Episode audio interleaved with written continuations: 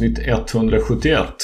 Vi är mitt i sommarsemestern för alla utom för bänken men jag måste erkänna att jag har gått in stenhårt i semestermode och har delvis tack vare att det faktiskt händer otroligt lite i NBA också förbättrat denna semestermode. Så vi hoppar över introt idag och går direkt på rakt på sak. Nick, hur är det med dig? Jättebra, jättebra. Jag har sett att uh, jag har sett Sveriges herrlandslag spela träningsmatcher, jag har kommenterat damer, uh, nu spelar jag in podd, det har varit en fullspäckad basketdag och basket är det finaste som finns, så vad kan jag vara än sjukt glad? Alltså det finns inget annat. Ja, man vet ju aldrig. Du skulle ju kunna tycka att det var lite trist att Sverige torskade träningsmatchen mot Lettland, men eh, det är ju inget mål man behöver se på sin himmel allt för länge. Lojsan, hur är det med dig? Här är det bara bra. Vi eh, har ju varit iväg och, och rest och träffat er alla i bänken. Då, då mår man. Exakt, vi hade ju en, en, en, samling hemma hos Johansson som grillade och bjöd på hamburgare och hans dotter hade bakat rabarberpaj dagen till ära. Fantastisk dag och kväll. Inte minst för att även kids och respektive var med, i alla fall många av dem, inte alla. Jag och Johansson svek på den fronten men det, vad kan man göra åt det? Eh, Addis är aningen sen idag. Han är, han är upptagen med andra viktiga saker men vi hoppas att han kraschar oss som han gjorde senast när vi spelade in ett avsnitt och att vi kanske lite sådär random mitt i avsnittet tar det traditionella födelsedagsquizet. Men Nick, du har ju haft en fullspäckad basketdag. Vad vill du börja med? Herrarna mot Lettland eller U20-damerna i EM mot också? Var det inte Lettland där också? Yes, det var dubbelt Lettland, dubbla mm. förluster. Mm. Nej men vi kan börja med herrarna då som inleder OS-kvalet som kommer sändas på SVT från och med 13 augusti. Uh, de har haft två träningsmatcher. Jag tycker att uh, spelet med tanke på förutsättningar och vilket lag man har, har varit okej. Okay. Alltså jag vill inte säga att det har varit kaos, för det har det inte det. Uh, men samtidigt inser man att också att, ja, alltså har man det gänget vi har nu så kommer det bli svårt att vinna matcher och det visste vi sedan tidigare. Men eh, ja, eh, idag spelade man i en fullsatt arena borta mot Lettland, låg under med 23, kom tillbaka till minus 6. Många svenska landslag som gör comebacks den här sommaren. Uh, man ger inte upp. Jag tycker ändå det är något eh, man ska vara stolt över, men summa summarum Eh, det är OS-kvalet, det kommer bli svårt att ta en match tar Sverige en match så tycker jag att alla ska vara otroligt nöjda och stolta över deras prestation. Okej. Okay. Eh, ska du säga någonting om, eh, det var ju en match dagen innan också mot, mot Ukraina som jag tycker att Sverige lite grann tappade bort. Jo men så är det. Uh, sen är det också att Ukraina hade också ett decimerat landslag. Och Lettland också. Lettland hade inte sina NBA-spelare för de får inte vara med för många dagar på sommaren. Men jag tycker helt ärligt, jag tycker att spelet var bättre idag. uh, mot Lettland än mot Ukraina. Uh, tycker att det stundtals var väldigt, väldigt slarvigt. Problemet i det här är ju att man man saknar spelare som kan skapa offensivt. Uh, och dessutom djup på bänken. Men uh, här är det intressant för Elijah Clarence är tillbaka i landslaget och han kommer äntligen få en roll som han vill ha. Vi vet ju att han är en scorer, han vill vara scorer, han vill inte vara någon rollspelare. Och jag tycker att första matchen ja, ser ändå okej okay ut när han sätter sina skott. Idag skickade han upp 22 avslut. Alltså jag minns inte när en svensk spelare i träningsmatch sköt 22 skott. Men han är ju sån, han har ju inget samvete och det ska bli intressant att se hur han matchas. För jag tycker att är han het, då, då kan man spela honom. Men är han inte det, då, då kan man lika väl ha Terins inne på planen, tycker jag. Uh, för då, då blir det för mycket studsande och svåra skott. Jag vet inte, det, det tycker jag nästan är det som är mest intressant. Hur kommer offensiv uh, boll uh, och rollfördelning att se ut i OS-kvalet? Mm, mm. Lojsan, du har väl också sett lite grann i alla fall. Vad, vad tycker du? Jo, men det har jag. Nej, men jag, jag håller med Nicky att det saknas lite av de rutinerade spelarna som har varit och spelat eh, här tidigare och just ja, men skapa anfallsmässigt. Vi är inte riktigt där eh, med de här attackerna, kicka ut, hitta den fria spelaren, eh, inside-spelet in och ut. Det, ibland blir det lite mycket one man show men jag tycker ändå det har varit kul att se och framförallt se de unga killarna som kommer in och bara kör järnet. Um, så det, det borde gott inför framtiden men jag tycker fortfarande lite som vi pratade om förra veckan att det är ett OS-kval och det är tråkigt att vi inte har det bästa laget på pappret. Och det är inget illa menat mot de som är med här nu, de gör ju verkligen sitt bästa. Men våra bästa spelare är ju inte med just nu. Så är det ju bara. Mm. Det, fin det, finns ju en, en, en, väldigt intressant spelare med i, eh, med i laget, inte minst för att han tillhör vårt favoritlag i världen, nämligen Murcia. William Garcia Adsten. Han fick 15 minuter idag och hade faktiskt 7 poäng på, vad blev det, på fem skott och tre offensiva returer. Det är ju lite intressant. Han var bra, han var bra uh, faktiskt alltså. Och det, det visar ju också hur långt du kan komma på att bara gå på returer, sätt öppna skott och eh, gör inte bort det i försvaret. Och det är det han gjorde idag. Jag var faktiskt mycket imponerad. Jag tror också att, eh, jag har hört någonstans att han ska gå till college, att han ska gå till Marquette. Jag vet inte riktigt om det stämmer, om det var bara ett löst rykte. Men uh, han är, uh, han är, uh, han är överraskade mig idag faktiskt. Mm, mm. Men ska, vad, alltså jag känner ju lite grann om man tittar på det här om vi så att säga Det är ju svårt att, bortse ifrån att eh, vi saknar ett antal rutinerade spelare och de få rutinerade spelare vi har är ju inte alltid de som så att säga man, man har gett bollen. Vi har ju då i och för sig Melvin Pansar som får börja ses som rutinerad som vi får vara, eller liksom som är lite pointguard-aktig Denzel, Ramstedt, Spires. Men Alltså coachstaben måste ju också ställa om till okej okay, vad har vi nu och vad gör vi nu? Vi har ju ändå haft en, en när vi har haft framförallt egentligen Ludde Håkansson och Simon Brigander har man ju haft en ganska klar och tydlig plan. Vi spelar så här. Nu får man ju lite grann överge den. Och som sagt, då är ju frågan vad kommer coachstaben att tycka om att Elijah skickar upp 22 skott på 24 minuter och går 0 för 7 från 3. Och det, det jag såg jag såg mest matchen mot Ukraina. Jag såg bara lite grann idag så jag har inte sett liksom. Men vi kommer ju inte alltid någonstans på så att säga första pickorullen med Ladja och vem det nu än är som kommer upp för att sätta den screenen om det är Spires eller Ramstedt eller Tobias Sjöberg. Och då blir det ju lätt så att Eladja på något sätt fastnar, bollen fastnar i hans händer och sen är klockan på väg ner och ja, då, då, då blir det ju på något sätt legitimt för honom att skjuta bollen. Han är ändå den som har den och han, alltså är han med så är han ju med för hans förmåga att ändå så att säga skapa ett eget skott. Men jag tror att vi får ju rätt svårt att klara oss i OS-kvalet på att Elijah Clarence gör sin bästa Nico Skallis imitation.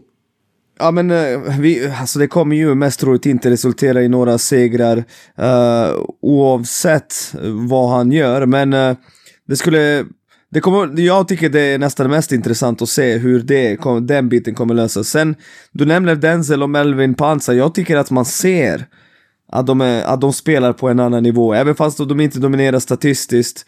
Uh, var de är på planen, hur de liksom rör sig, uh, mm. hur de tar hand om bollen och hur de spelar försvar. Man ser ju att det är ju Ja, de, de är ju startspelare i landslaget oavsett om vi har bästa truppen eller Uh, det är truppen. Så, ja, men, så enkelt och, och är det. Båda har spelat på en, så att säga, på en viss nivå. Alltså både Denzel och, och Melvin spelar på en viss nivå. Jajamän, jajamän. Det blir som ett annat lugn också kan jag tycka. På något vis. Mm. Uh, på planen att, att ja, men de sprider lite av det här. Vi kan ta det lugnt, vi vet vad vi gör. Vi löser det typ. Än att man blir lite stressad om det inte går, går som man tycker och tänker. Mm. Tror vi att man kommer... Alltså nu är det ju förstås så, jag menar om, om man tänker så det här är en träningsmatch. Det är ju idiotiskt att spela folk i 30 minuter. Men vilka ser ni av dem som har spelat? Vilka kommer att få lite mer minuter? Jag ser ju inte framför mig att Denzel spelar 22 minuter och Melvin Pansar spelar 22 minuter i, i, i tävlingsmatcher utan att de spelar lite mer. Ja, de kommer ligga på 30 plus. Det tvekar jag inte en sekund på. De kör 30 plus, uh, Ramstedt och Spires minuter kommer gå upp. Uh, David Höök får redan många minuter som man får. Jag tror att även Felix Sterins uh, kan få mer minuter än vad han fått hittills för att det behövs. Det, det är inte så mycket djup på den positionen. Barenjai var inte med mot Ukraina och var med idag, så jag antar att han någonting, någon skada eller något är det. Han kommer få mer och mer speltid. Så det kommer se annorlunda ut i OS-kvalet och precis som ni ser, det är ju Denzel och Melvin som ska vara grundpelarna i det gänget. Mm. Okej. Okay. Eh, när sa du att OS-kvalet började Nick? Var det 13 augusti den, eller vad sa den du? Den 13 och första matchen är typ sådär klockan 11 på morgonen, vilket jag tycker är otroligt skumt. Sen sista matchen är tre dagar efter det klockan typ 8 eller 9 på kvällen. Sjukt orimligt. Mm, mm. Uh, ja, par for the course när vi har det FIBA vi har helt enkelt. Inte så konstigt alls. Uh, men eh, en, en sak till som är lite intressant. Vi har ju pratat lite grann om det här med förbundskaptenskonstellationen och du framförallt Nick har ju varit kritisk till att ha kvar Ludde Degernäs och Jocke Kjellman som ju då inte längre är headcoaches på SBL-nivå utan Ludde ska bli sportchef i Södertälje och Jocke Kjellman blir, går till Malba så ska, ska väl då, alltså som jag fattat det så kommer väl han ha andra uppgifter i och för sig inom citationstecken bara vara coach men och har jag fattat det rätt? Ska han coacha damlaget? Ja. Damlaget i division 1, yes. Mm. Eh, och då är ju frågan, vad händer nu? Vad, vad ser ni för alternativ? Alltså först och främst så vill jag säga att Ehm, jag gillar inte deras nya jobb. Sen är det så att Jocke är ändå kvar i coachyrket så den kan jag ändå svälja. Men det är ju Degenäs som jag älskar som coach, alltså ni vet, jag tycker att han är riktigt bra tränare, det är ombevisat. Men att han skulle bli sportchef och samtidigt coach, det tycker jag, ja, jag tycker att det krockar. Uh, nu ser vi faktiskt de här två träningsmatcherna, det är inte han som står upp längre, utan han sitter längst in på bänken och det är faktiskt uh, Mikko Rippinen och Jocke Kjellman som hörs mest och Ludde har inte alls samma ansvar. Och jag tror att det är en naturlig del av processen för att de förstår att Ludde har valt att gå en annan väg i sin karriär. Jättetråkigt, jag tycker att han, han hade potential att komma ut som coach men han väl, jag tolkar det här som att han väljer familjelivet och eh, jag tror att han kommer vara han kommer ha mer tid för sin familj om han är sportchef, och, vilket stämmer säkert. Så uh, ja, jag är ja. inte säker på att det stämmer i och för sig, men det lär garanterat vara planen. Ja. Så, så nu är frågan, ska man ta in så småningom någon efter Ludvig Degernes, kanske till och med innan eh, EM-kvalet. Ja, alltså nu när jag ser honom vara längst ut på bänken så tycker jag nästan att det är bättre så. För då, han kanske kan i så fall ta hand om scoutingen och, och komma in med sin input. Men som sagt, så småningom kommer han ersättas. Vi får se när och vem som ersätter. Men vi hade en het diskussion i, i gruppchatten, för jag föreslog några namn som Sköldström inte gillade, och sen sa jag Sköldström ge mig ett alternativ då, och då sa du ja men då kanske vi ska köra med tre tränare liksom. Nej, jag, sa, jag, sa, jag, sa, jag tycker så här. jag hittar inte exakt hur det var, men som jag minns det så när, när förbundet bestämde sig för att det skulle vara fyra förbundskaptener då fanns det för det första ingen sportchef tillsatt. Sen dess, eller landslagschef, vad vi nu ska kalla Lasse Johansson. Sen dess har Lasse Johansson tillträtt. Och som jag minns det så hade man ju då en... Man ville att de här fyra förbundskaptenerna skulle vara en långsiktig lösning men man som jag minns det skrev kontrakt på två plus två år. Och nu kommer jag inte riktigt ihåg när de här två åren går ut men det rimliga är ju att tro att de går ut efter EM-kvalet, alltså till EM 2025, att man, eller att man någon gång i alla fall ska ha en möjlighet att se över det här när... Så för mig är ju egentligen mer det att ja, men om man tyckte att... För jag tänker mig ändå det att en bidragande orsak till att man ville ha den här lösningen var ju att man tyckte att man hade bra personal till den. Det vill säga, vi hade fyra coacher som vi, som vi trodde skulle fungera ihop. Som kompletterade varann och som stod på något sätt för en kombination av ändå hyggligt med erfarenhet men framförallt då på väg uppåt och liksom hårt arbetande eh, och, och, en vilja att ta sig vidare. Och för mig blir det ju mer det att om vi nu inte har de här fyra då tycker jag då, då är det ju Lasse Johanssons jobb att eh, och det är som jag minns det då att, så att säga, de här fortsättningen att det finns optioner att göra annat. Att liksom de här kontrakten inte nödvändigtvis löper. Då tycker jag då måste man ju se över hela processen. Då måste man ju överväga, är det här en väg vi ska gå eller ska vi söka någonting annat? Uh, absolut, jag köper det du säger. Samtidigt tycker jag att i och med att det funkar bra på här sidan så, så tycker jag inte att det ska finnas någon anledning att ändra på det konceptet. Och jag tror att de har en tydlig rollfördelning, att en är scout, en ansvarar för anfall, en för försvar och så ska vara en matchcoach liksom. Sen är det givetvis så att någon av dem skulle kunna ta större ansvar och göra två saker. Absolut, det skulle inte vara några problem alls, men jag vet inte, vi får se. Alltså vi får se. Jag skulle gärna vilja se att vi har fyra tränare, jag tycker det funkar bra, jag tycker de är, även de här två matcherna, jag tycker att Sverige ser mycket väl coachat ut. Eh, jag tycker det liksom. Det... Ja, det, det, finns ju en sak till som är, är, är värd att fundera över i sammanhanget. Och det är ju då, Boris Balibrea tar ju inte ett kliv åt sidan eller neråt. Men han blir ju coach i Polen. Det är ju inte jag vet inte vad han har för situation och vad hans klubblag kommer att tycka att han ägnar landslagsfönster åt att åka iväg och coacha Sverige. Det kan man ju diskutera. Det har jag, det har jag liksom egentligen ingen uppfattning jag är över, jag, jag, är övertygad att de låter honom åka. De jo, är säkert hur nöjda som helst. Det, det, jag, tror, jag tror så här. Så länge som det polska klubblaget går bra så kommer man inte att ha något problem med det. Går det polska klubblaget dåligt så kommer man att ha problem med det. För då kommer man inte att gilla att coachen drar under en period då man skulle kunna träna och så att säga se till att saker och ting blir bättre. Så det, jag, jag är inte...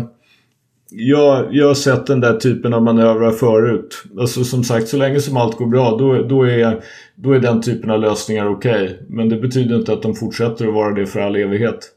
Så det, det, det är egentligen det jag vänder mig emot. Jag tycker att det har man, alltså man har, jag, ser, jag, tycker inte att man gjorde fel som gjorde den här lösningen men jag tycker inte att det är självklart att man ska fortsätta med den om man måste byta ut de personer som var så att säga de man valde till den här nya, liksom moderna lösningen. Då tycker jag att då har man en skyldighet att se över för menar, det, vi kan inte heller, vi kan inte bortse ifrån det faktum att vi för tillfället måste ställa upp med ett på pappret svagt landslag därför att 8-10 spelare som skulle kunna vara aktuella har tackat nej. Och på något sätt så måste vi ju skapa en trovärdighet och en, en, en attraktion att vara med i landslagsprogrammet. Men samtidigt, eh, vänta, vänta, alltså jag har tänkt på det här de senaste dagarna, jag kommer ihåg, alltså Vedran Bosnic, jag minns, det fanns så många otroligt skumma narrativ kring hans uh, tid som förbundskapten och en av dem var det. Ja men folk vill ju inte spela för Vedran, titta folk, inte, folk dyker inte upp. Jag tror inte att det har någonting att göra med specifika coacher.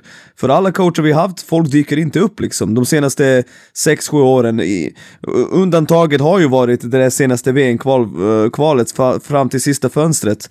Men jag vet inte fan om... Ja, jag är inte säker att det handlar om vilka som står där ja, men jag, jag sa faktiskt inte att, man, att det här hade varit en coachfråga. Utan jag sa att man måste se över landslagsprogrammet och skapa en attraktionskraft för landslagsprogrammet. Nej, det finns en attraktionskraft som heter patriotism baby. Du spelar för ditt land. Oh, jo, det, är... så, så det, det, det, tycker du och det tycker jag. Men, men det har ju uppenbarligen inte varit nog. För som du säger, det här är ju inte någon... Alltså, vi vet ju alla att alltså under en period så till exempel då så jag menar Jeff Taylor och Marcus Eriksson spelar i Euroleague och Marcus Eriksson har dessutom varit skadad. De har inte tackat nej egentligen utan de har ju helt enkelt inte kunnat vara med därför att man har haft den här konflikten med Euroleague. Men sen har vi ju haft en eller annan spelare som där vi, eller i alla fall inte jag, har informationen om varför den här spelaren inte är med. Jag menar, det känns ju lite märkligt att se en och annan spelare som har tackat nej den här gången lägga upp grejer på Instagram att de tränar hårt inför säsongen. Ja, den, den är alltså svår den, jag, jag, jag, jag, tycker att det, då, det tycker jag är ju då en, en signal på något sätt att och, och, då menar inte jag alls att det här, jag är inte ute efter att lägga någon skugga varken på föregående coacher eller nuvarande coacher med att de inte dyker upp. Men vi har ju helt uppenbart ett jobb att göra med att skapa en högre attraktionskraft för att spela i landslaget. Och, ja, ja, men förlåt för att jag flikar in, men det som du säger just det här med, med att man ser folk som har tackat nej och så är man och, och tränar hårt och så. Alltså det blir på något sätt varför varför vill man inte vara med i landslaget? Vad är det som, som gör? Är det någonting som är fel med landslagsprogrammet eller själva eh, teamet eller coacherna eller är det bara att jag vill fokusera på mig själv. Men man blir ju lite så tveksam till att okej, okay, varför är, är man inte med i landslaget? Det är väl vad jag tycker i alla fall att man skulle vilja. Alltså mm. vara där och spela för sitt land. Sen är vi alla olika men för mig är det då rätt stort. Att jag får representera Sverige liksom. Om jag hade fått chansen. Ja, jag menar alltså. Sverige spelade OS 1980 och det var i Moskva och då var det ju väldigt många länder som bojkottade så i princip så halkade ju Sverige in i OS 1980 på ett bananskal mer eller mindre. Alltså tack vare då, eller beroende på att ett antal länder bojkottade OS i Moskva. Och jag menar, jag, jag kan, vi har säkert spelat något OS-kval sedan dess men vi har inte spelat ett OS-kval på evigheters evigheter. Jag tycker att ett OS-kval, även om vi tror att vi har små chanser att gå vidare från det här OS-kvalet så borde det ha en hög attraktivitet, alltså själva företeelsen. Vi kan få spela ett OS. Men här är vi ju då uppenbarligen i den situationen att ett antal spelare Kanske beroende på någon form av underliggande skada eller tycker att de behöver rehab eller alltså att de behöver bygga upp sig inför en kommande situation eller kommande säsong eller vad det nu är. Men alltså tittar man Det blir ju oundvikligen så i alla fall för mig att jag jämför med fotbollens kval till EM och VM. Jag tycker ytterst sällan det ser ut som att vi har så att säga några oväntade avhopp i fotbollen. De spelar inte färre matcher, de har inte ett mindre behov av att rehabba eller vara i form till säsongen eller liksom tillfredsställa en kommande arbetsgivare. Men de är med ändå. Och de spelar ju, de spelar ju dessutom i alla fall fler kvalmatcher än vad vi har gjort jag tycker att man har en skyldighet från förbundets sida och Lasse Johansson då framförallt och det tror, jag är 100% säker på att han ser det här likadant men att man har en skyldighet att vända på alla stenar. Vad är det som, inte, vad är det som gör att det har blivit så här? Vad är det som, det behöver inte vara att det liksom är något fel men det kan ju vara så att man tycker att programmet ligger dåligt och att man är tycker att ja, OS-kvalet, vi kan inte vinna det i alla fall. Det är mer intressant att vara med i EM-kvalet när det drar ihop sig att komma i shape då. Men för mig är det ju jag tror ju fortfarande benhårt på att det skulle vara bra för era karriärer att spela OS-kval. Det skulle vara bra för era karriärer att spela de landskamper man kan. Lasse Johansson har redan uttalat sig i SVT och sagt att uh, han tvivlar inte på att spelarna vill att de kommer spela nästa kval och att det är rent, eh, alltså ren slump att det är så många som uh, inte kunnat spela. Så det ser han i alla fall officiellt. Sen vet vi inte vad han tänker innerst inne. Men, Nej, men det, det, det, vet inte jag heller. Men jag kan säga så här att om jag fortfarande jobbade på förbundet med kommunikation eller om jag var någon form av kommunikationskonsult så skulle jag, så skulle jag ha pratat med Lasse om att, att han ska säga ungefär precis det här. För det finns ju ingen anledning liksom att dissa sitt eget landslag eller sitt eget arbete eller skapa en konstig relation till spelarna. Det, är ju, det, är ju, alltså, det här är inget konstigt. Däremot så säger liksom cynikern i mig säger ju att det här behöver ju inte nödvändigtvis betyda att det Lasse Johansson är 100% sant. Skölde, det är inte ens cynikern. Det är den logiska delen av dig som säger det. Hej Addis! Tjena! Tjenare! Jag har Tjena, eh, suttit och lyssnat på er och jag måste bara flika in. Det är väl klart att det inte är en slump. Att det, hur många är det? Är det 10, 12, 10 pers? Nej, men upp, uppåt 20, alltså jag driver 20. inte. Det Alltså, alltså nu... om, om, ni, om, ni, om ni hade, jag kan berätta för er efter avsnittet några spelare som har tackat nej, ni kommer garva. ja, jag måste. är det... Ja, otroligt. Abdi skrattar eh. redan nu. Ja, nej, för, för att jag börjar tänka folk som har tackat nej. Eh, men, eh, nej, men det är klart, så här, jag, Skölde, du jämförde med fotbollen, jag håller helt med, det är det första jag tänker på också. Men du kan bara se andra länderna också, du ser ju liksom eh, Markanen ställer upp i varenda eh, grej han kan. Alltså, och det är by far den, den som, om någon skulle tacka nej, eh, så, är, så är det den mannen. Liksom, han går och mm. gör tjänstgöring och sen så drar han på sig landslagsdressen. Det är hans sommar. Mm. Uh, så att alltså... Ja. Och han, han är, vi ska prata lite grann om det senare. Det har du missat lite grann Addis. Men vi ska ta mm. upp lite grann spelare i NBA som teoretiskt skulle kunna skriva på en uh, förlängning av sina kontrakt. Om vi tycker att klubbarna borde göra det eller om spelarna borde göra det eller inte. Och Larry Markkanen är ju Utah skulle kunna förlänga hans kontrakt men jag tror att Markkanen själv är väl måttligt intresserad av det därför att han är begränsad för hur mycket mm. han kan förlänga för. Jag tror att han skulle kunna förlänga tre år för 81 miljoner eller något sånt där. Och det mm. tror jag helt enkelt, han, om han spelar ut det här kontraktet och, och testar free agency så skulle han ju få mer än så om han inte gör en katastrofsäsong den kommande säsongen. Mm. Men eh, för att men, avsluta så, den där diskussionen. Men det stärker ditt case för Lauri. Han har ett ja, år kvar ja. på kontraktet. Tänk om han bryter benet under VM. Alltså nu, knock on wood liksom. Men... Han har mer pengar på bordet än, äh, än alla de där 20 tillsammans. Äh, men äh, det, det, sista jag skulle säga bara om den här grejen är ju att alltså, så här, jag, jag fattar ju, jag vet inte vad ni har sagt allt, liksom, jag hoppade in här, men det är ju såklart spelarnas egna val och de, de får ju självklart, jag, jag, menar inte att vi eller jag sitter här och dikterar att ni, folk måste spela. Nej, det måste de inte. Det, det är ju såklart ett val.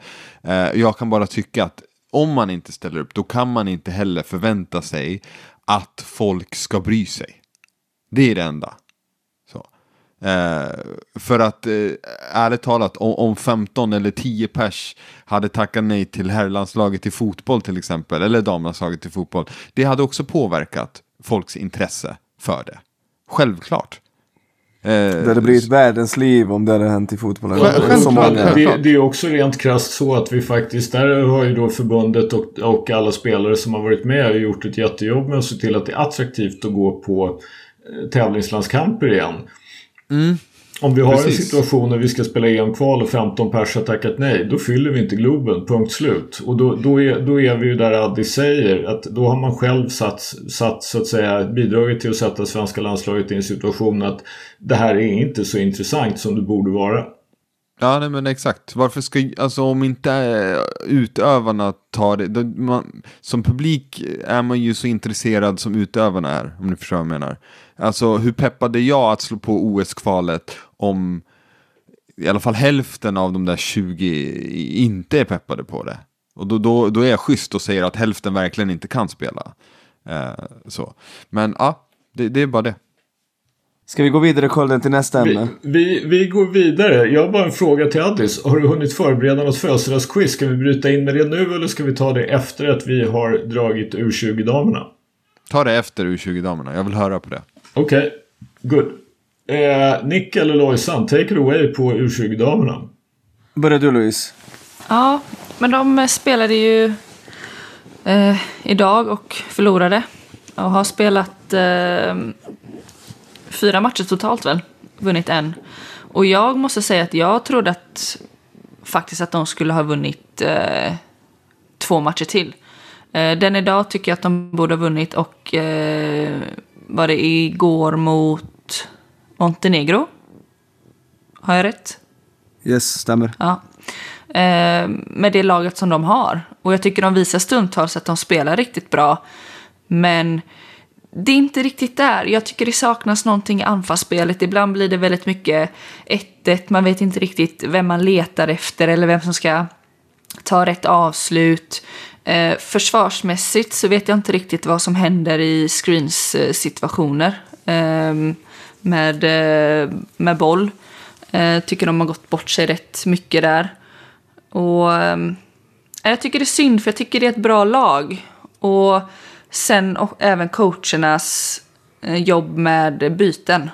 Jag vet inte riktigt hur man tänker. Men jag tycker det har varit väldigt konstiga byten de här matcherna. Folk som har varit heta har blivit utbytta. Folk som inte har varit bra får fortfarande vara på plan fastän de kanske är en av de bästa i laget. Men har inte haft en bra match och är då på planen då. Så jag tycker det är... Oh, jag blir frustrerad när jag sitter här hemma och tittar på matcherna för jag tycker att de borde ja, men ha vunnit mer och gjort bättre ifrån sig vad de har gjort faktiskt. Det är ett lag som har mer kapacitet än vad vi har sett. Ja, uh, Louise, jag håller med dig. Jag tycker att uh, jag hade stora förväntningar inför turneringen och man ser ju Stultons att det är skickliga spelare.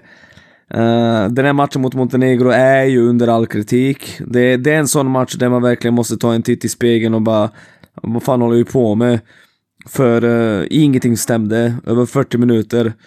Uh, mot ett landslag som är klart sämre än Sverige. Jag är ledsen, jag vill inte vara respektlös. Men Montenegro har inte i närheten av eh, lika bra spelare, bortsett från Lekovic då. Uh, sen... Uh, ja, nu är vi tillbaka på ruta 1. Det är samma som U18. I, i, på fredag uh, spelar man mot Ungern tror jag, och vinner man den matchen så är man kvar i A-divisionen. Nu måste vi fortfarande kämpa för våra liv. Uh, surt, surt, för jag tycker att uh, hade man fått ihop den här gruppen på ett annat sätt och precis som du säger Louise, nu, nu fick ju exempelvis Tilde Sjöqvist mer speltid mm. och direkt genom 23 poäng. Men varför kommer det så sent i turneringen? Hon har ju varit skitbra hela, alltså från början. Och ändå låg hon runt 20 minuter, man bara va? Ja, jag tycker det är väldigt konstigt att man inte ser vem som... Alltså hon har verkligen varit bra från första matchen. Ja, hon är och riktigt bra alltså. Tycker hon liksom riktigt dominerat bra. på det hon gjort. Så varför inte spela henne mer och hålla fast vid att men det här är en startspelare och borde spela kanske 30 minuter. Nej, har inte den personen en bra match så ska den inte vara på plan. Så är det bara. Ibland har man en bra match, ibland har man en sämre match. Har jag en dålig match, då ska jag inte vara på plan. Sen är det så att man måste ju spela Emma Johansson och Nojan exempelvis stora minuter oavsett hur bra de lirar. Eh, alltså alternativen är ju inte Ja, du kommer inte vinna massa matcher i EM om du inte låter dem spela. Emma Johansson, jag tycker hon är väldigt speciell för att jag kan se jag kan se henne bli en stjärna på hög europeisk nivå. Men jag kan även se henne bli en ligaspelare. Alltså fattar du vad jag menar? Ja. Uh, för att uh, hon gör så många saker fantastiskt bra, men sen hon har gjort två tvåpoängare Louise på hela turneringen. ja, hon, hon med är, den längden. Ja, hon är en center som spelar 30 minuter per match och typ anfallet går igenom henne på ett sätt. Alltså hon måste lägga i, hon måste tuffa till sig liksom. Det, tyvärr så är det så. Hon måste. För hon, har, hon, hon gör saker som väldigt få svenska centra kan. Så är det liksom. Hon kan pusha breaket liksom. Hon kan ta retur och bara gå coast to coast och hitta en passning. Uh, det, det visste jag inte att hon kunde, men det är jävligt imponerande. Uh, däremot så två, två poängare på fyra matcher som en center är fan alltså, nästan omöjligt att, att göra alltså. Ja, det, ja, men där tycker jag att man kan få ut mer utav henne. Eh, just nära korgen. Och, och hon började jättebra det här när de spelade pick och rull, att det blev pick och pop istället och hon sköt ut treorna. Men när, när de andra börjar scouta det, då måste man ju byta taktik. Då måste man kanske rulla Exakt. några gånger för att få försvararna att locka på det och sen komma tillbaka till pick och pop. Men att bara stå fast vid det här, att stå och stampa på samma plats, det funkar liksom inte på den här nivån när man är i EM och möter andra topplag i Europa. Då måste man kunna variera spelet och se vad som funkar och, och hitta andra alternativ. Precis så är det. Men vi får se vad som händer nu framöver. Jag hoppas verkligen att, att de tar matchen nu på fredag. För jag, jag ser att de har potentialen att ta den matchen. Och de visar stundtals att de spelar väldigt bra. Och så får vi lite dippar och så tycker jag att det blir lite konstiga byten som men ibland stör momentumet som faktiskt är på plan. Men ehm, ja, vi får hålla tummar och tår och titta på matchen hörni. Och jag kan avslöja, ni kommer lyssna på det här imorgon, men eh, vi kommer, SVT kommer mest troligt att sända även den matchen. Så vi avslutar inte efter att laget åkt ut uh, i kampen oh, mot att gå hela vägen, utan vi, vi kommer mest troligt att sända, eller, eller det var det jag hörde idag i alla fall. Att vi sänder även nästa match, så se till att, uh, se till att streama på SVT Play. Vad har vi på Ungern då? Ingenting. Uh, frågar du mig om Ungerns U20-landslag så kan jag inte ge det mycket alltså. Uh, jag bara tänkte jag, om du hade liksom någon bild av turneringen sådär i, i, i, i allmänhet. Det enda jag vet är att uh, de torskade, alltså så att säga mot den match som Sverige torskade mot Lettland, alltså 16-delsfinalen, den torskade Ungern mot Portugal med två. Precis. Och tänk, hade Sverige vunnit idag hade man fått möta Portugal, Portugal i kvarten och haft unik jävla möjlighet att bli fucking topp 4 i Europa. Fatta vilken mm. succé det hade varit. Mm. Ja, den svider. Den svider. Jo, det var lite det som var min tanke också. Att man, man faktiskt, alltså på pappret då så att säga, varken Ung Ungern brukar väl i och för sig kunna vara rätt okej okay i de här sammanhangen. Men, på de sidorna, ja. Ja, men Portugal brukar ju inte vara ett, eh, liksom ett, ett dominant landslag på den här nivån. Så att, att få möta då Ungern eller Portugal i en eventuell kvartsfinal var ju faktiskt ett guldläge. Bara sådär på pappret. Eh, är vi nöjda så och ska gå till födelsedagsquiz?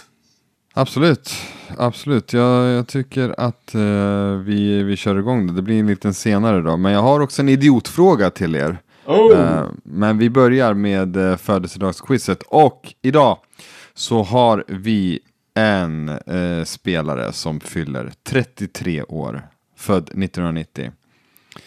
Hon är 1,75 centimeter lång och väger 65 kilo. Är vänsterhänt och har en rätt tung meritlista. Skulle jag Kelsey säga. Plum. Nej, det är hon är mycket yngre. Nej, hon är inte så gammal. Jag var bara tvungen att ta en bra vänsterhänt spelare som jag kan tänka mig att Addis har letat upp. Ja, nej, de här finner mig Skölden, de här finner mig. Och eh, jag säger så här, hon är, är en sex time eh, WNBA All-Star. Så att det här är någon med eh, stora... Eh, Vänsterhänt veteran. Mm, ja, eh, vunnit ett OS-guld 2020, Tokyo. Eh, och en massa måste vi kunna. U18, U19-guld och sådär. Det där måste vi kunna. Ja, ni definitivt. Det här ska ni såklart kunna. Så en guard, så det är inte liksom uh, Mm, Sue Bird direkt det där. Nej, hon är äldre än så här. Vet du. Jag försöker se framför mig vem som är vänsterhänt. Exakt. Mm. Och jag kommer inte på någon Det är amerikan. precis där jag är också. Ja, alltså ni vet ju alla vem det här är, självklart. Eh, så. Vad sa du, det var 1,75?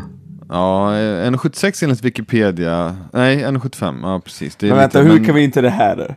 What? Det är ju Gick, trea i eh, WNBA-draften 2013.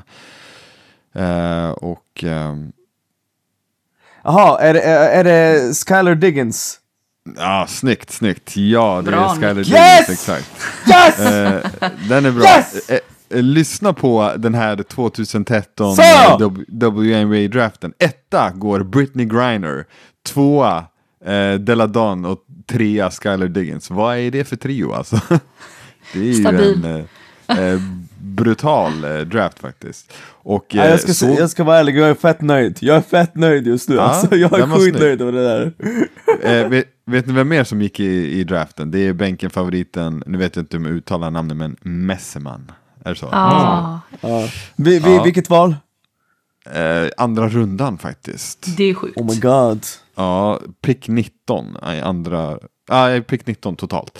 Eh, så ja, andra rundan någon gång. Eh, men eh, Skyler Diggins, eh, det är en bra jävla lirare. Det är det. Eller hur? Eh, min, vet du vad min nästa eh, ledtråd var? Då trodde jag Louise skulle eh, ta den. Att hon är även en world champion i eh, 3x3 faktiskt. Visste ni det? Ja, Oh my god alltså, låt mig inte börja, vi går vidare för det där går Ja, till min just det. fråga. Ja, nej. Just det, de får inte spela i en USA som pu- pumpar upp sina landslag med fucking världsklasspelare. Alltså, Skyler. Diggins åkte till Aten 2012 och säkert bara slaktade stackars amatörer. Ja, ah, ja, men eh, bra, bra så, bra så. Men eh, min idiotfråga då till er. Skyler Diggins. det- Ja, eh, fan Louise, hur hade du känt om du, du klev på 3x3 så kommer Skyler Diggins där på andra sidan? Och Kelsey. Plum, och du måste, du måste försvara båda. ja, ja. jag klonar mig bara. Vi löser det. Ja. Eh, ja, min, eh, min idiotfråga till er är följande, för jag är ändå inne på WNBA-spåret då. Så då undrar jag, vilka tre lag, eller franchises då, i WNBA har vunnit flest championships? Det är alltså tre lag som har vunnit lika många och de tre lagen har vunnit flest. Ge Ja, jag dem. kan. Jag kan. Det är enkelt. Det är Los Angeles Sparks. Eh, Det är Minnesota Lynx och det är Seattle, vad heter de? Seattle eh, Storms. Storm. heter de. Det är de tre. Och tack, jag, jag vet jag är bäst, jag kan detta. It is Du it har is. fel. Eh, alltså du, du sätter... du sätter Minnesota Lynx som har fyra totalt då. Eh, och de vann ju, det är ju relativ närtid, de dominerade 10-talet då, alltså 2010-talet. Eh, och eh, Seattle Storm såklart med Sue Bird som har vunnit eh, fyra stycken också. Men eh, Sparks har bara tre faktiskt. Va? Eh, precis, tre Då tillsammans med... Houston. Ja, snyggt, snyggt. Där har du den. Houston Comets. Det är ett lag som eh, vann fyra och sen la ner. Ehm, Exakt, för de hade... Fan vad de hade. De hade Cynthia Cooper i alla fall kommer jag ihåg. Hade de inte Cheryl Swoops också? Och Det någon till, stämma. liksom någon sån här, någon välkänd superstjärna liksom. ja, alltså laget vann eh, WNBA 97, 98, 99 och 2000. Oj, Och sen försvann. Sen försvann de. nej. Vad Eh, synd. det, det är Sundsvall Dragons eller något.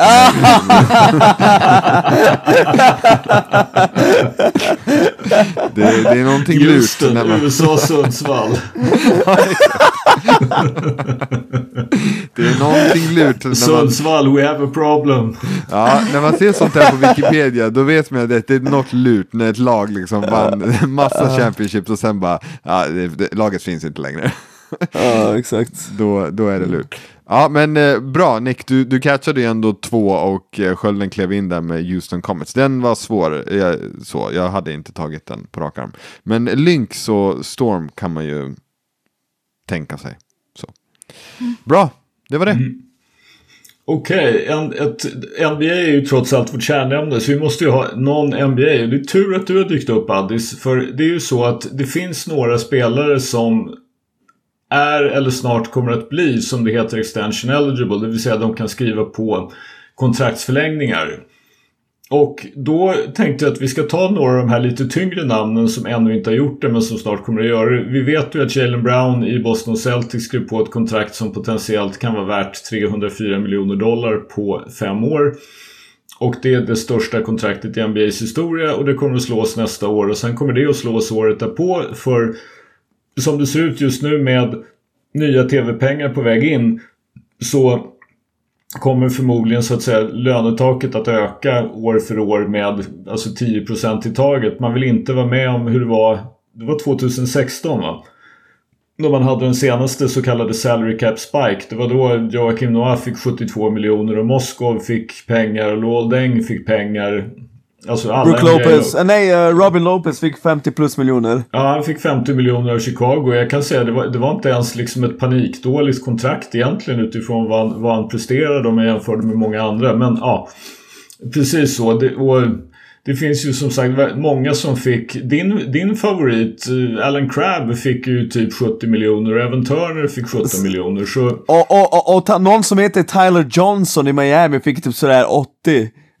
nej, jag tror att Tyler Johnson fick 50 på fyra. Men även det var ju en kraftig reach. Men Man, eh, Hur som helst, knappt- i, i det här nya då kollektivavtalet, i CBA, så har man alltså kommit överens om att man inte ska ha den typen av eh, den typen av liksom superökning från det ena året till det andra utan att man istället sprider de här pengarna. Så då, då kan man redan nu förutse att under ett antal år framåt givet att man har ett nytt väldigt lönsamt tv-avtal på gång så kan, man- så kan man i praktiken räkna med att lönetaket kommer att öka med ungefär 10% om året de kommande åren. Men om vi börjar med ett tungt namn Addi som, som du får börja att ta tag i. Anthony Davis är extension eligible. Han skulle kunna skriva på ett nytt kontrakt för tre år. Eh, värt 170 miljoner dollar. Det är lite krångligt med Anthony Davis ska sägas också för han har ett lite konstigt kontrakt. Han har jag tror att han har ett plus ett år kvar och han har, han har någon sån här någon konstig att han Alltså, han kan i och för sig begära att han, han har ingen direkt, han har motsvarande player option men det är något annat. De kallar det för något, det har en annan juridisk term, early termination option eller något sånt där. Det funkar inte exakt likadant men som jag fattat det kan Lakers och han i princip komma överens om tre ytterligare år och 170 miljoner. Would you do it or not, Addis? Och vem är jag i positionen? Är jag Anthony Davis? Vi säger att du är Anthony Davis först och sen ska du vara Rob Pelinka, Los Angeles Lakers general manager. Du får ta båda. Alltså är jag Anthony Davis så tar jag det och springer. Det gör jag. Alltså med tanke på eh, den eh, kroppen han har. Han kommer ändå vara 30 det här eh, året tror jag. Jag tror han fyller... Vänta. Han är Jo, 93. han fyller Han 93. fyller 30 i år. Jag kommer inte ihåg om han har gjort det. Men, men ja. Ja, han har till och med gjort det, jävlar. Ja, han är Mm. 30, fyller liksom 34, eh, 34 ja shit det vore något. Eh, fyller 31 i mars. Så att eh, jag, jag hade tagit det om jag var han och sprungit för att eh, vem vet hur länge han håller. Däremot om jag vänder på det och skulle vara eh, Pelinka i Lakers så hade jag ju, alltså man blir ju tvungen, det är det som är grejen, du blir tvungen, för vad, vad ska du göra? Men eh, jag hade ju inte älskat att signa upp eh, Anthony Davis på fem år och, och gå in med honom som 36-åring. Han, han kan ju knappt eh, lira 50 matcher som eh, 29-åring. Eller 28, Mm. så. Han kunde inte ens göra det som 25-åring. Eh, så att det det är ju inte, det är inte jättelockande så, men vad har du för option? I, I och för sig så har du ju typ inte LeBron på böckerna sen heller. Du, ja, man kan ju, om man vill då, göra, göra om laget helt. Så. Men är inte, är inte, alltså, det är lätt att glömma bort det här. Lakers är ju ändå en, alltså, så liksom, typ en av de största franchises i NBAs historia och flest titlar. Eller jo, de är, de är väl på samma nivå som Boston, eller har de en mer? De är en mer va? I har vi nästa veckas idiotfråga, Skölden. Ta det lugnt nu. Ja.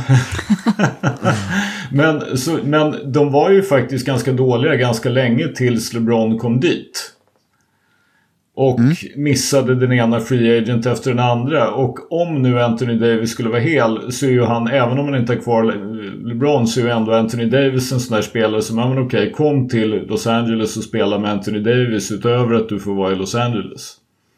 Han är ju ett drag, liksom en, en hel, det är klart att om han sitter där om två år och har spelat 20 matcher och tre år kvar, då är han inget dragplåster. Men liksom en, en, en hel och frisk Anthony Davis som kan spela är ju fortfarande, även om hans offensiva produktion i slutspelet var, om vi är lite vänliga, ojämn, så var han ju defensivt otroligt dominant. Oh ja. Så är det. Vad säger Nikolajsan om, om att förlänga Anthony Davis för typ 170 miljoner i tre år till? Jag är Pay that man. Ja, nej, tycker du det? Ja. Men du måste ju. Ja. Du har, du har en av NBAs eh, 10 till 15 bästa spelare i ditt lag. Han är frustrerande men han är jävligt bra. Han är inte alltid frisk men han är fortfarande jävligt bra. Ja, Och då måste sant. du betala för det. Han är, han är huvudvärk, framförallt om man har honom i fantasy. Det ska gudarna veta. Man ska inte ha honom. Det är liksom, Han ska inte ha honom i fantasy om man Nej, inte man får honom ruskigt Alltså, sent. Eh, Men i, på, på det här ämnet då så kan vi gå vidare med två till. Det är ju alltså så att Los Angeles Clippers har möjligheten att förlänga både Paul George och Kawhi Leonard. Den ena tror jag före säsongen börjar och sen så Paul George tror jag kan förlänga någon gång i oktober, november, vad det var. Men alltså in, innan trade deadline i alla fall så är har Clippers teoretiskt möjligheten att förlänga båda två och max de kan tjäna är 224 miljoner dollar för fyra år. Vad säger man om det? Hell no. Nej, alltså de... Man, alltså riktigt bra spelare, absolut.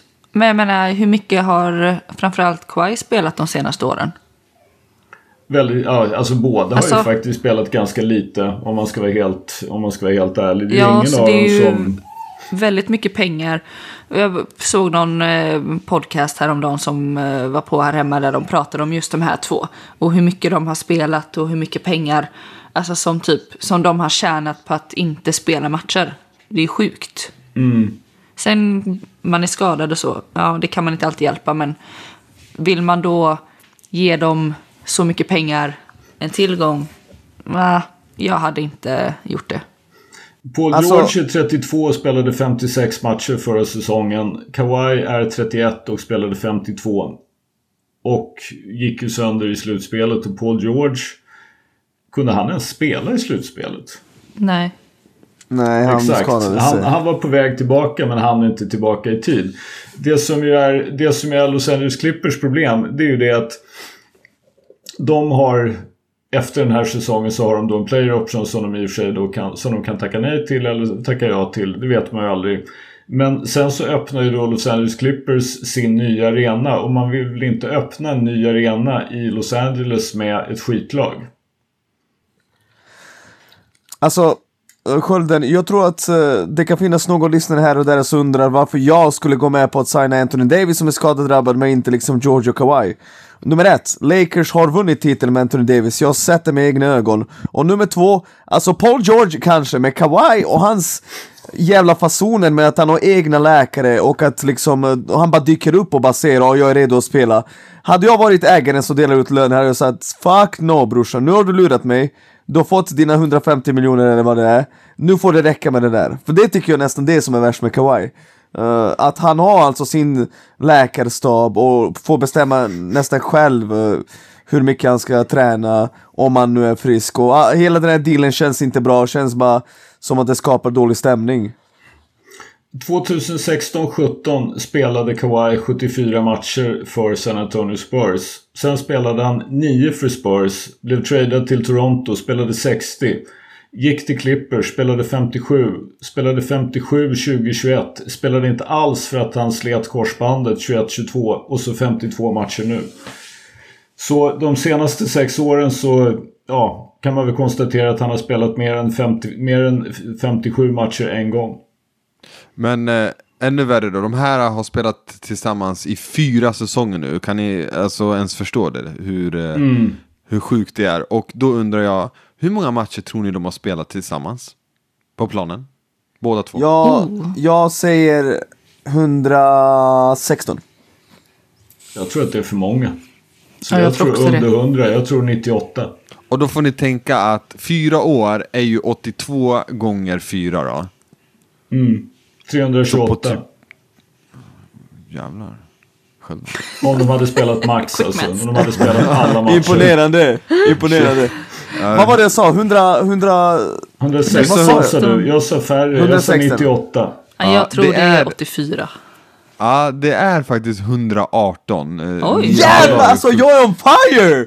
Jag är en då! Jag tänkte vad fan, fan är det här? Liksom, han plockar nästan. Men eh, alltså det är ju, jag, alltså, jag vet att ni gissade ju så dåligt också allihopa, men det är ju bedrövligt om ni tänker på det. Faktiskt. Alltså helt ärligt. Faktiskt. Alltså, och, eh, hur är det ens möjligt? På fyra år? Ja. Eh, ja. Mm. Ja, alltså Paul George har på de här fyra åren spelat 48, 54, 31 och 56. Så, ja. De har ändå tajmat in varandra lite då ju. Ja, ja, ja visst. På något vis. ja, det, alltså, det är så sjukt. Och eh, jag vet inte, Paul, alltså så här, Kawhi, man visste ju, alltså, alltså när han var i Toronto redan, man såg ju liksom att han, eh, han, alltså, han typ haltade sig till titeln. Jag vet inte om ni minns Exakt. det? Han var ju typ, ja, ja, ja, ja. Killen haltade ju och var helt galen. Men som, man kunde ju fatta, men så här, vad hände med Paul George? Jag fattar inte det. Han, han lirade typ alltid alla matcher. Uh, han hade ju det där när han bröt, uh, han bröt väl benet eller vad det var. Ja. Det, det, det, är ju vad det är liksom. Men, Men när han kom tillbaka från benbrottet spelade han 81, 75, 79, 77. Och sen kom ja. han till Clippers och så blev det då 48, 54, 31, 56. Man kan väl säga så här att eh, bänkvärmarnas kurs överträffas endast av Los Angeles Clippers kurs, typ. Ja. Faktiskt, faktiskt. Ja. Sen, sen måste jag säga en till sak om Kawhi. Eh, jag lyssnade på en podd med Paul George där han pratade om eh, en scen de hade på en träning. Och då, Brian Shaw har ingått i deras stab och han har typ en regel, när du skjuter en airball så måste spelet uh, avbrytas och så den som har missat hela korgen måste springa fram och tillbaka. Och så sköt Kawhi ett skott, missade hela korgen och blåser Brian Shaw, och så blåser Brian Shaw i visselpipan. Och Kawhi bara I'm not going to run. bara, bara, jag tänker inte springa och Shaw bara, kom igen du vet, och alla börjar garva, man nej, varför skulle jag springa? Så fattar ni hur mycket makt han har ändå där? Alltså fattar ni? Det, ja. Och vad ska han, han se... göra där? Exakt, Shaw, exakt. Vad ska Brian Shaw som tjänar, Brian Shaw tjänar typ sådär 800 000 om året för att vara assisterande coach. Kawhi tjänar typ 40, 45. But get the fuck out of here. Ja, nej, den, den är tuff. man får ju välja sina lägen du vet när man ber någon att springa. Eh, du ber ju inte vem som helst att springa kanske. exakt. Men, eh, ja. ja, hade du några fler i skölden eller? Var det de här tre du tänkte på? Sköld, skölden har mutat sig själv. För omväxlings skull. Jag tar två till. Eh, en som är extension eligible för samma summa pengar och samma antal år som Kawhi och Paul George är Clay Thompson i Golden State Warriors. Lojsan.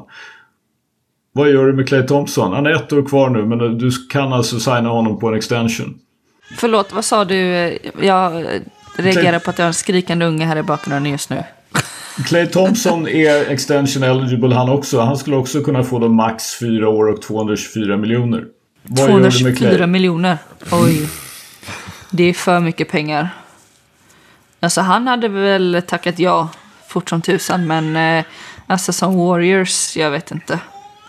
Det... Eh, hade det varit för fyra år sedan hade man kunnat göra det. Ja, det var väl i princip vad de gjorde med den, med den typen av pengar som liksom var aktuellt då. Det var, var väl ganska precis då som han fick den här den kontraktsförlängningen, eller liksom det kontrakt som han fortfarande går på som han har ett år kvar på. Det finns ju ett problem till. Det var ju det att eh, Draymond Green fick ju en extension men han gick ju ner lite grann i lön. Det gjorde ju även Andrew Wiggins för den delen. Men fick ju då fler år. Draymond fick väl någonstans i härden, vad var det? 100, 100 någonting för tre år, eller vad var det? Mm. Och hoppade över då sin... Eh, han tog inte liksom den här player optionen han hade utan man... Eh, eh han skrev helt enkelt ett nytt kontrakt. Alltså jag hade tackat Clay för eh, tio fina år och eh, sagt eh, lycka till. Skulle du inte ge honom någonting alls? Jo, men han kommer nog inte ta det. Du tror att han vill testa free agency-marknaden? Jag tror att han, något lag kommer ge honom eh, i alla fall lite för mycket för vad jag skulle vilja signa upp honom för. Speciellt mm. när man har, eh, alltså Golden State som har mycket pengar låsta och kommer behöva låsa upp Curry också. Och så har man Draymond och sådär sen. Eh, Fast just Steph är faktiskt rätt bra upplåst vill jag minnas. Ja, va, hur mycket har han kvar då? Jag tror 210 att han har, miljoner. Jag tror att han har fyra år kvar faktiskt. Ja, Okej, okay. ja men då har han ju Precis. redan gjort det. Då har de ju redan mycket investerat i honom. Mm. Jag, jag, alltså jag hade inte, alltså jag vet inte så. När jag tittade på Clay i år, ja han är bra, eh, såklart. Men eh, jag, jag sitter inte gärna på Clay tills han är 37 och cashar honom 60 millar per år. Det gör jag inte. Nej, det gör inte jag heller. Det var, vad gäller Draymond Green, han fick fyra år 100 miljoner och det, om, jag, om jag inte helt missminner mig så går det neråt så att säga. Att han får mer pengar år ett och två än vad han får tre och fyra. Ja, och då har jag en fråga. Är Clay bättre än Draymond Green? I, kanske inte idag. Det skulle jag nog... Och, och dessutom skulle det väl bli lite problem med lagkemin om Draymond går ner i lön och så tycker de att ja, men med Clay, vi ger Clay det dubbla. Ja, verkligen. Nej, men jag menar, det är ju inte ens säkert att han är en bättre spelare än Draymond. Och eh, att då motivera dubbelt så mycket pengar, eh, om inte mer, eh, nej tack. Man vill inte heller få Draymonds uh, knytnäve i nyllet, för, för då kommer man bli avundsjuk. Så Bäst att inte ta ja. det kontraktet. Nej, men, och, och, det är ju problem där med Clay. Han är alltså 33 nu. Han missade två hela säsonger. Först med knät och sen så med hälsenan. Sen spelade han 32 matcher och sen spelade han 69. Sen ska man ju då inte glömma bort i och för sig att han snittade faktiskt 21,9 poäng i år och sköt 41% från tre. Så Däremot är han ju som jag ser det, han, ju inte sam han var ju inte så bra i slutspelet och han är ju inte samma försvarare som han en gång var. Definitivt Nej. inte. Definitivt inte. Han är helt okej okay att försvara vingar men det är ju inte självklart att du sätter Clay på att försvara point guards längre. Vilket det ju nej, var nej. förut. Ja. Om, om det var så att säga, om en point guard behöver stoppas då var det ju Clay du satte på honom och in, det var inte Steph som fick det uppdraget då. Sista då, Rudy Gobert vill jag minnas är, skulle teoretiskt kunna få en förlängning för 170 miljoner. Nick, Minnesota-båten är din. Uh, Fan vad dumma de är, fan vad de begravde sig själva med den traden, de fuckade upp allt. Allt har de fuckat upp, sin framtid, sin nutid, även sitt förflutet på någon konstigt vänster. Så har de fuckat upp det med den traden, alltså på riktigt. Uh, Jag vet inte, alltså jag har ingen aning vad man skulle göra, ska man förlänga honom? Nej, men ska man låta honom gå efter att man gett allt för honom? Det, det kan man inte göra heller, så man är i en tuff situation. Uh, min gissning är... Samtidigt är det min, så att, vänta, vänta. Han har, alltså, han har ju två år plus en option kvar. Han, de kan alltså genom ett nytt kontrakt men det är inte så att de måste. Han har Uh, två plus så är- option, player option. Så här kommer Minnesota göra, lyssna, det här kommer hända allihopa. Lyssna noggrant. Carl Anthony Towns ryker, då kommer försöka få tillbaka lite first round, eh, first round draft picks. Det är det som kommer hända. Ja, det var typ det jag skulle säga också. Det är så här, jag vet inte om det händer, men det är vad de borde göra. Definitivt. Jag giss, alltså det är ju så att Anthony Edwards har fått ett nytt kontrakt som ju kickar in då från säsongen 24-25. Han fick 207 miljoner för fem år. Och då innebär ju det att från och med 24-25 så har de alltså då Rudy Gobert, Carl Anthony Towns och Anthony Edwards kommer alltså själva att tjäna någonstans i härdan av 135-140 miljoner. Det är ju knappast sustainable även om, om eh, lönetaket går upp hela vägen. Så jag tror väl precis som ni. Problemet är ju bara vem tradar för Cat idag efter att han missade hela förra säsongen. Eller i alla fall stora delar av den. Och han har 4 plus 1 år kvar. 36, 52, 56, 60. Sen har han ett optionsår 2027, 2028 på 64 miljoner 666 000 dollar. Någon, någon gör det. Någon gör det. Mm. Ja, det, det är som sagt, det, det, är väl, det har ju pratats en hel del om det. Det verkar väl sannolikt att det är det. Alltså, för då har de ju också en möjlighet att på något sätt förhoppningsvis få tillbaka någonting som linjerar bättre med Anthony Edwards tidslinje. Rudy Gobert kanske inte gör det men, men det är ju svårt att föreställa sig. Alltså du har ju förmodligen bättre utsikter att få något vettigt för Carl Anthony Towns. Och du sjunker förmodligen inte helt och hållet genom att ha kvar Rudy. Och det du får för Carl Anthony Towns. Så det är vad jag tror också. Lojsan, är det du som tar oss vidare i programmet och kör hot takes? Eller försvann Lojsan på grund av Hon, hon, är Enzo? med, hon är med Enzo för Enzo är hungrig. Ja, precis. Vi gör så att jag, jag tar den istället eh, för Louise då. Och eh, då börjar vi med... Eh, ja, vi kan börja med den här skölden. Jag vill höra dina tankar faktiskt. Jag vet, man har ju pratat lite om det här förut, men nu är det ett tag sedan, så jag, jag minns inte vart du står i frågan. Då. Elias eh, Gullberg, han säger att 96 Bulls hade vunnit mot 17 Warriors. Vart står du där, skölden? 96. Ja, det är ju eh, 72. Jo, jag, jag, jag, jag var bara tvungen att tänka efter. Um, alltså, Skölden, skärpning, skärpning nu. jag tror, alltså på något sätt så tror jag ju ändå att givet att, alltså det skulle, jag skulle vara otroligt intressant att se, men givet att det har gått nästan, runt 20 år så tror jag faktiskt att Golden State skulle ta det. King! Jag tror, Ja. att det, jag tror helt enkelt att utvecklingen har eh, Eh, ändå, ändå gått så pass långt och att det... Alltså basketen har förändrats så pass mycket så jag tror faktiskt att det är svårt för... Hur bra de än var på 90-talet så tror jag att det skulle vara svårt för dem. Till och med, däremot så tror jag ju så här att Golden State skulle ju inte få det gratis direkt. För de skulle ju då vara tvungna att skåra på Jordan och Pippen och Rodman. Och det eh, tror jag faktiskt inte de hade haft särskilt lätt att göra.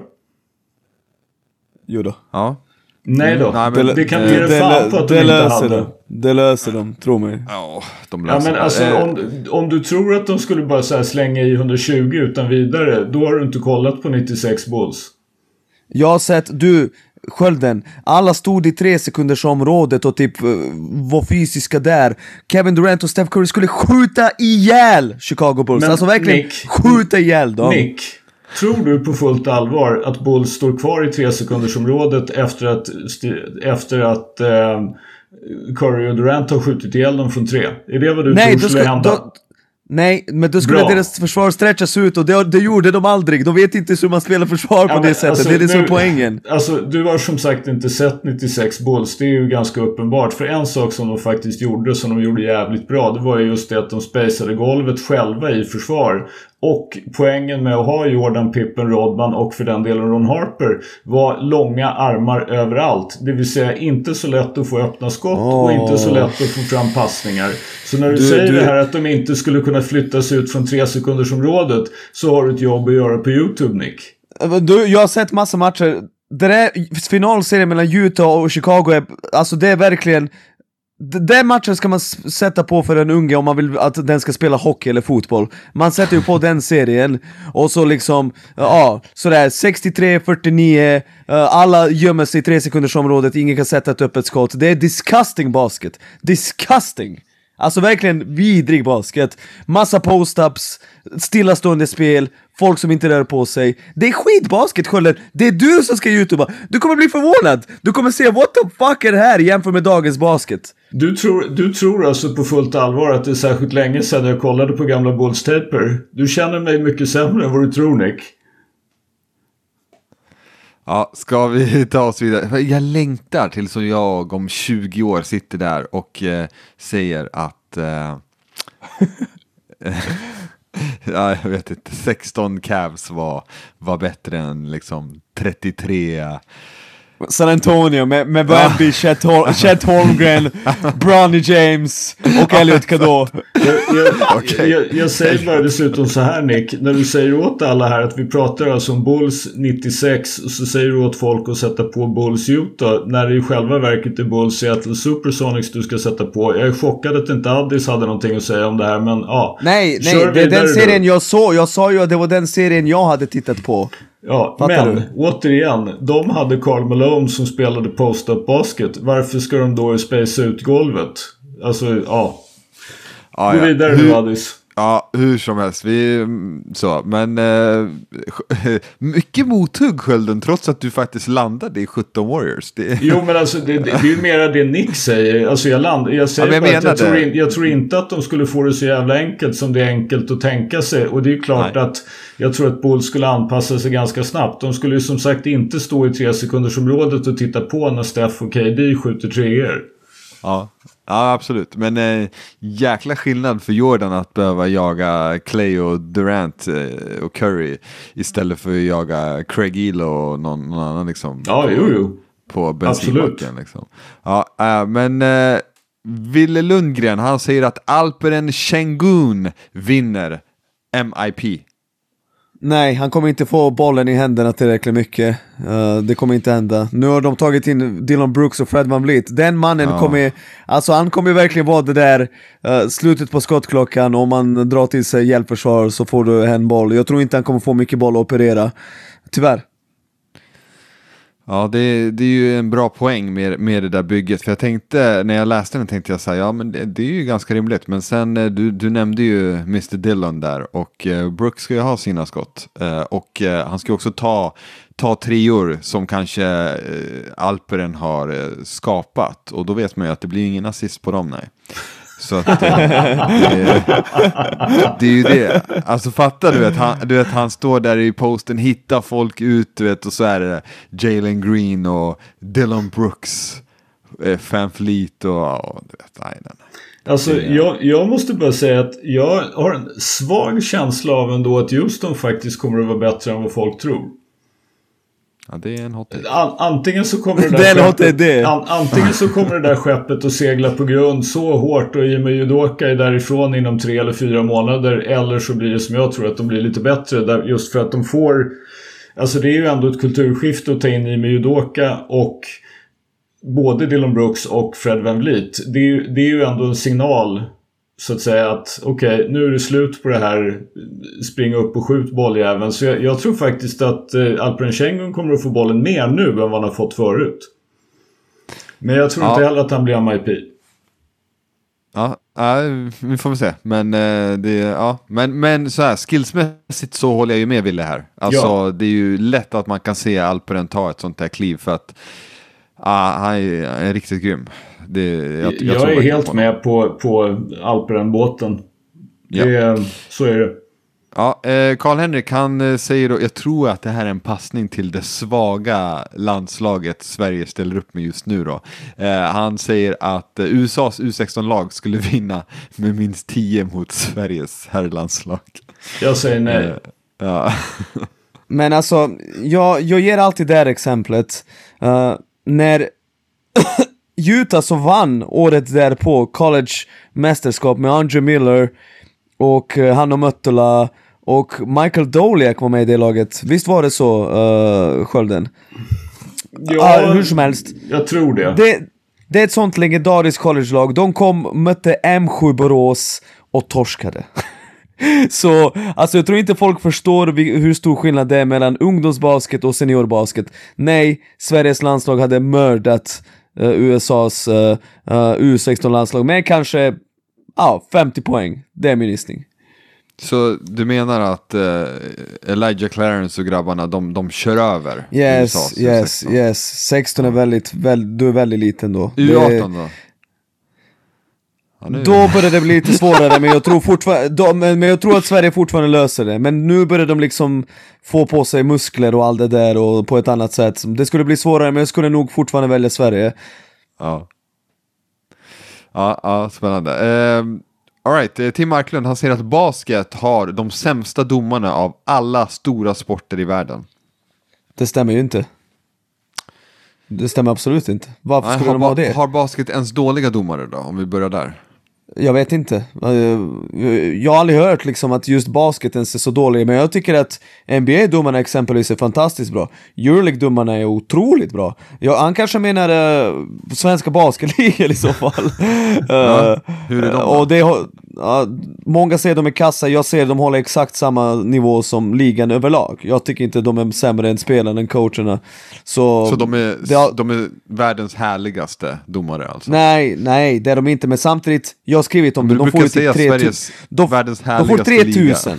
Ja, det är världens de, ar de är arbetarklassens domare. Exakt. Arbetar. Nej men de får ju 3000 liksom, och så ska du skatta på det för att någon ska skrika i ditt ansikte liksom någonstans borta i Umeå liksom. Det vi kan inte förvänta oss att folk kommer satsa på det liksom tusentals människor. Utan vi får Nej. vara nöjda med det vi får. Jag håller inte med den här taken. Jag, jag känner lite grann så här. Jag vet ingen stor bollsport där man inte... Alltså, man kanske inte klagar så mycket på domarna i volleyboll för det är ingen kontaktsport. Men i alla stora bollsporter där man har kontakt, handboll, fotboll, amerikansk fotboll, base, eh, basket. Alltså alla klagar ju på domaren jämt. Jag har svårt att se att någon skulle vara särskilt mycket bättre eller sämre än någon annan på de absolut högsta nivåerna. Mm. Okej. Okay. Eh, apropå Anthony Davis då, Maja Kansund säger att Anthony Davis DPOY, alltså den eh, blir årets defensiva spelare. Vad säger vi om det? Nej, det kommer han inte bli. Mm. Fantasy Lojsan is back. Ja. Nej, jag ser... Eh, han, är, han, är, han kan vara riktigt bra i defense. Men eh, nu ska man väl eh, spela en del matcher, eller är det bara MVP? Jag tror att det faktiskt är krav på alla utmärkelser att du ska spela 65 matcher. Alltså ja, för, okay. för alla individuella utmärkelser och även All NBA. Vad, vad sa du att det var, hur många? Sex... 65, 65 tror jag. Ja, senast han spelade gränsen. 65 matcher var 2018, eh, mm. fem år sedan. Mm, mm, mm. Så det kan nog falla där. Jag tänkte ja. säga senast Anthony Davis spelade 65 matcher behövde Nick inte raka sig, men det, det var inte sant alltså. Nej, det var faktiskt 2018. Sen har han ju snuddat vid det. Han spelade 62 för Lakers faktiskt mm. här om året. Så mm. att, eh, men men eh, igen, skillsmässigt så absolut, av det, eh, framförallt i slutspelet, han var ju ett monster defensivt. Mm. Eh, alltså, då såg han ju definitivt ut som NBAs bästa försvarare skulle jag säga. Jag kan inte komma på någon eh, bättre i nuläget. Eh, Vänta, vem pratar men, vi om nu? Förlåt? Jag såg Anthony, Anthony Davis. Davis. Ja, absolut. Håller med. Mm. Han var helt otrolig. Men, men ja, ska han nå 65 matcher, det blir det svåra i det här fallet. Uh, ja, tyvärr. Men, men jag har svårt att se vem, ja, vem annars ska vinna defensiva spelare då? Vem, vem ska Jaron Jackson Jr är regerande. Ja, och han har inte, han spelade inte heller 65 förra året. Så. Nej. Eh, han har gjort det en gång på eh, mm. fem år. Ja, det, där, det där kommer bli ett problem. Jag fattar ja, inte varför du satte en gräns på just ja. 65. Skitskumt. Ja. Av den enkla anledningen att vi börjar närma oss den situationen att spelarna tjänar, eller att vissa spelare tjänar nästan en miljon dollar per match. Men varför That's inte 63 liksom? Jo, jo, varför, men... varför just, hur kommer man fram till vi, just... Vilken, vilken siffra du än kommer fram till så kan du säga varför just det. Här är ju ändå, alltså 65 är ju typ 80 procent. Stämmer. Mm. Det vill säga du spelar 8 av 10. Det är ändå en, en jag tror att alla i, dagen, i dagens era, alltså på 90-talet hade man ju förstås tyckt att man är en usel vekling om man spelar 65 och inte 82. Men idag är ju 65 en helt acceptabel mängd. Ja. Du, sp I du spottar sanning broder. Eh, I guess, I guess. Eh, Alvin Svensson, han säger att Nicks filmtakes är sämre än hans NBA-takes. Ja, det, är ju, det är ju bara för att jag talar den obekväma sanningen om att Oppenheimer är en överskattad film liksom. jag, jag älskar Christopher Nolans filmer, alltså älskar dem. Och jag säger som det är, det är ju eh, den, hans sämsta film sedan han slog igenom efter Dunkirk och det finns även en till film med Al Pacino, Insomnia tror jag den heter, den är också ganska svag. Så det är tredje sämsta film efter Nolan slog igenom. Jag är ledsen, den är bra! Precis som alla andra filmer, den är sevärd. Det är absolut inte det man får höra i media, den är revolutionerande på något sätt. Det är inte det. Och det kommer ni se när ni ser den på bio. Är det, är det verkligen bara Oppenheimer han vänder sig mot? Har du inte haft lite andra filmtex också? Jag har haft andra filmtext men han är klockrena, genomtänkta. Liksom, eh, min topp 10-lista på filmer är otrolig. Jag är så, jävla i- stolt över du, den. Du, du borde egentligen ha en, en filmpodd snarare än en NBA-podd alltså. Varför inte? Varför inte? Vi kan diskutera varför Film- Training Day är den bästa filmen någonsin. Training Day är den bästa filmen någonsin. Vi gör Alltså, en GoFundMe Nej, det så behöver vi verkligen kan... inte diskutera. Gå vidare Alice, det här tog en obehaglig vändning. Ja, det, det gjorde det faktiskt. Det gjorde Alltså det. Training Day, vänta förlåt, förlåt. Men alla ni tycker att den är sjukt bra, eller hur? Nej, What? jag tycker inte att den är sjukt bra. Alltså ja, Training jag Day är skitbra, inte. men eh, jag älskar den. Men det är inte världens, det är- inte genom tiderna bästa film. Alltså det är två dudes i en bil! Och ändå blir det konstverk. Hur kan ni inte se det? Det där är ju liksom otroligt. Ja, nej, alltså det är ju Du, du, så du vi... sa ja. just det hela, två dudes i en bil. Nej, Nick, jag håller med dig. Den är skitbra, men uh, sansar vi oss också. Ta det lugnt. Eh, det, är, det är inte den bästa filmen någonsin. Jag tycker det. Eh, Och det är ja, okej. Ja, eh, okej. Eh, Amir Training, han säger att en anledning till att svenska U-landslagen på här sidan specifikt är så långt efter många nationer är att vi inte prioriterar fysträning på sommaren. De andra länderna är ljusår framför oss där. Skölden, varsågod. Du som har haft kontakt med dimmen och har koll på Per Kjellmans Ja, men, eh, alltså, jag, jag träningsprinciper. Jag håller ju precis, alltså det här är ju inte bara det, är inte bara det utan det är ju även, jag, jag tror inte det räcker egentligen med att vi tränar fys på sommaren utan det man kunde se under de åren som ungdomslandslagen faktiskt hade då kontinuerliga samlingar och där man då hade fystester, då såg man ju på något sätt vilka skötte fysträningen även i sina klubblag under säsong. De som kom tillbaka då mellan sig jullägret och valborgslägret. De som hade blivit starkare, de som hoppade högre, de fortsatte ju ofta att utvecklas även på en annan nivå. De som låg kvar eller kanske till och med hade gått bakåt gick det ju faktiskt sämre för. Alltså det är ju klart, det är ju rätt uppenbart att det är intressant att vara fysiskt förberedd när man spelar basket.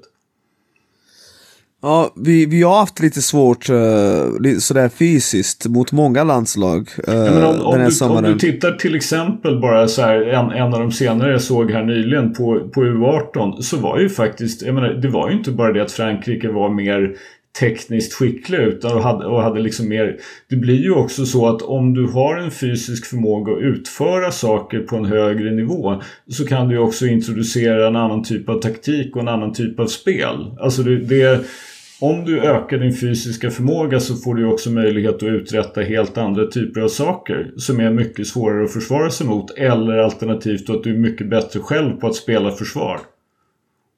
Så det, jag, jag är i praktiken med Amir men jag menar ju att fysträning för en basketspelare som vill nå eliten behöver man ju sköta om i princip året runt på ett eller annat sätt. Ja, vi behöver bli bättre där. Jag vet att eh, många har tjatat om det. Alltså Jonte Karlsson och Per Kjellman har ju pratat om den där FIS-profilen och hur viktigt det är att bli starkare i många år. Eh, så vi behöver bli starkare. Jag tror det är svårt för folk som inte spelar i utlandet eller går på RIG att faktiskt få in de här träningspassen och få liksom eh, tydliga instruktioner från någon som kan vad de ska träna på. Eh, det är nästan det som är problemet. Så. Uh, Alright, Skölden, hur många minuter är vi uppe i? Jag tror att vi, det är dags att uh, 80. stänga ner va? Hur mycket? 80. Ja, då är det dags. Men eh, eh, jag måste bara dra, har ni sett Offentlig kaktus den här veckan? Jajamän, det är underbart. underbart. Jag jublar. Uh, offentlig kaktus säger, vi avrundar med följande, offentlig kaktus, han säger att uh, Addis Nimmerstam är bänkens Luka Doncic. Den lunkande Addis har potential att bli en get inom poddgamet, men lik sin slovenska kamrat sviker prioriteringar under försäsongen. Mindre tid på studenternas och mer studerande av Nicks hörna. Hashtag Leccekollen. Hashtag D'Angelo Bill Russell. Leccekollen är genialt, klockrent. Alltså offentlig kaktus, vi applåderar dig. Vi applåderar dig. Shoutout. Shoutout. Jag, jag ska prioritera bättre i, i höst. eh, Och eh, D'Angelo Bill Russell, det är en otrolig hashtag också. Om man tänker efter. ja, eh, tack för den. Underbar. Ja. Helt fantastisk faktiskt. Hur som haver, tack för idag. Vi hörs snart. Ha det bra. Hej då. Hej då! Ciao.